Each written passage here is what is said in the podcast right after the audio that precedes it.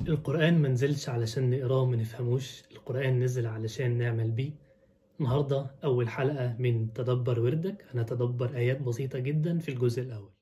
أفلا يتدبرون القرآن؟ ورد اليوم هو الجزء الأول من القرآن.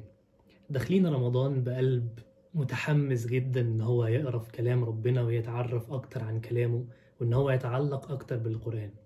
ونلاقي الجزء الأول دايما بيفكرنا بسورة البقرة وبداية رمضان ولما بيفتتحوا أي محل نشوفهم بيروا بيشغلوا سورة البقرة للشيخ مشاي راشد بتحس إن في حاجات بترجع لك كده ذكريات من من من الجزء ده بس ومن سورة البقرة بالذات لأنها أكتر تقريبا الصور اللي بنسمعها في حياتنا.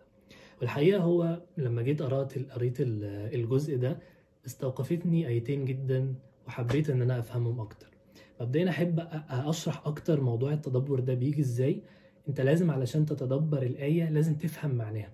لازم تشوف التفسير بتاعها وبعد كده تتدبر تشوف المعاني اللي أنت ممكن تستشعرها من ورا التفسير الموجودة دي.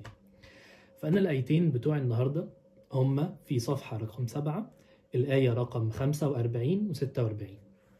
بسم الله الرحمن الرحيم. واستعينوا بالصبر والصلاة وإنها لكبيرة إلا على الخاشعين.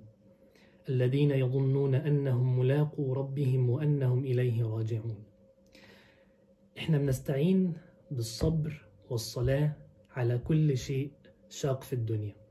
الصبر نوعين الصبر على الطاعة إن أنت تطيع ربنا وتصبر عليها والصبر النوع التاني إنك تصبر على البلاء لما ربنا عز وجل يبتليك بأي بلاء.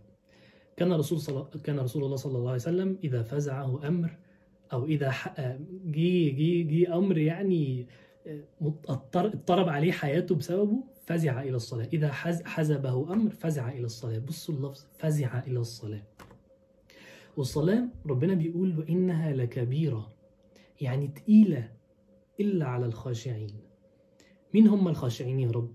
الذين يظنون أنهم ملاقوا ربهم وأنهم إليه راجعون. يعني تكون مستشعر وانت في الصلاة إن الصلاة دي هتشوفها يوم القيامة.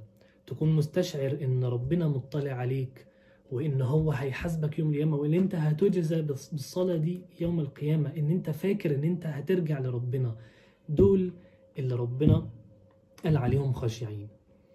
كان في مرة في قصة قريتها في التفسير إن الرسول صلى الله عليه وسلم كان معدي على سيدنا أبي هريرة ولقاه نايم على بطنه.